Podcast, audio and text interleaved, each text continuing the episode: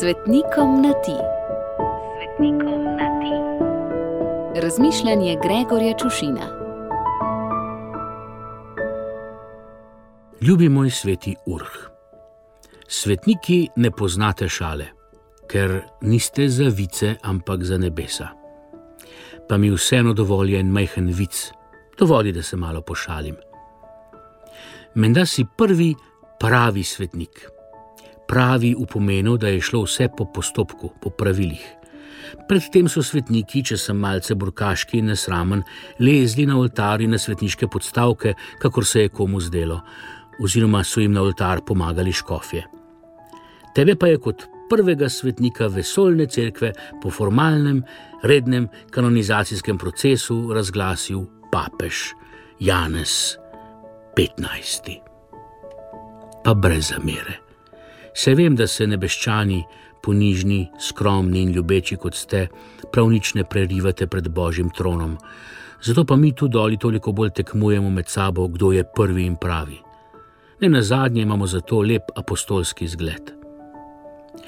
V tvojem življenjepisu berem, da si bil kot deček tako bolehan in slaboten, da so se bali za tvoje življenje in da si se okrepil šele, ko je neki duhovnik materi naročil, naj te izpostavi soncu in zraku.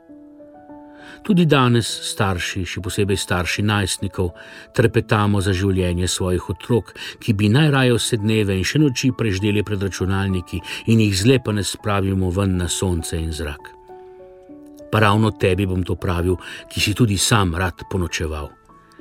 Če gre verjeti legendi, si se nekega četrtka tako zaklepetal s prijateljem, škofovskim sodrugom, da ne ti, ne on nista opazila, kdaj je minila noč in ko si zjutraj lačnemu služabniku dal kos mesa z mize, te je nehvaležnež šel tožiti tvoj vodu, da kršiš petkov post.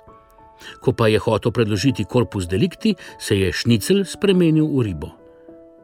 Mesari so se ti odrekli, si pa zato zavetnik ribičev, jasno. In pa vinogradnikov, se je človek težko klepetal vso noč zgolj ob kozarcu vode. Škofijo si vodil 50 let, kar je vsekakor lepa doba. Se sem jaz star čez 50 let, pa na vrhu škofije, ki ji pripadam, gledam že sedmo pomaziljeno glavo, če sem štev prav in če seveda ne štejem pomožnih škofov. Berem tudi, da si, ko si zaslutil, da se ti bliža smrt, razdal vse imetje, si dal na tla cerkve posuti pepel v obliki križa in med petjem litani izdihnil. Upam, da si lepo pel. Točno. Ker ti povedati ti moram, da so dan danes duhovniki tako brez posluha, tudi pevskega, da sem, naj se posujem s pepelom, med petimi litanijami tudi sam dosti krat na tem, da izdihnem.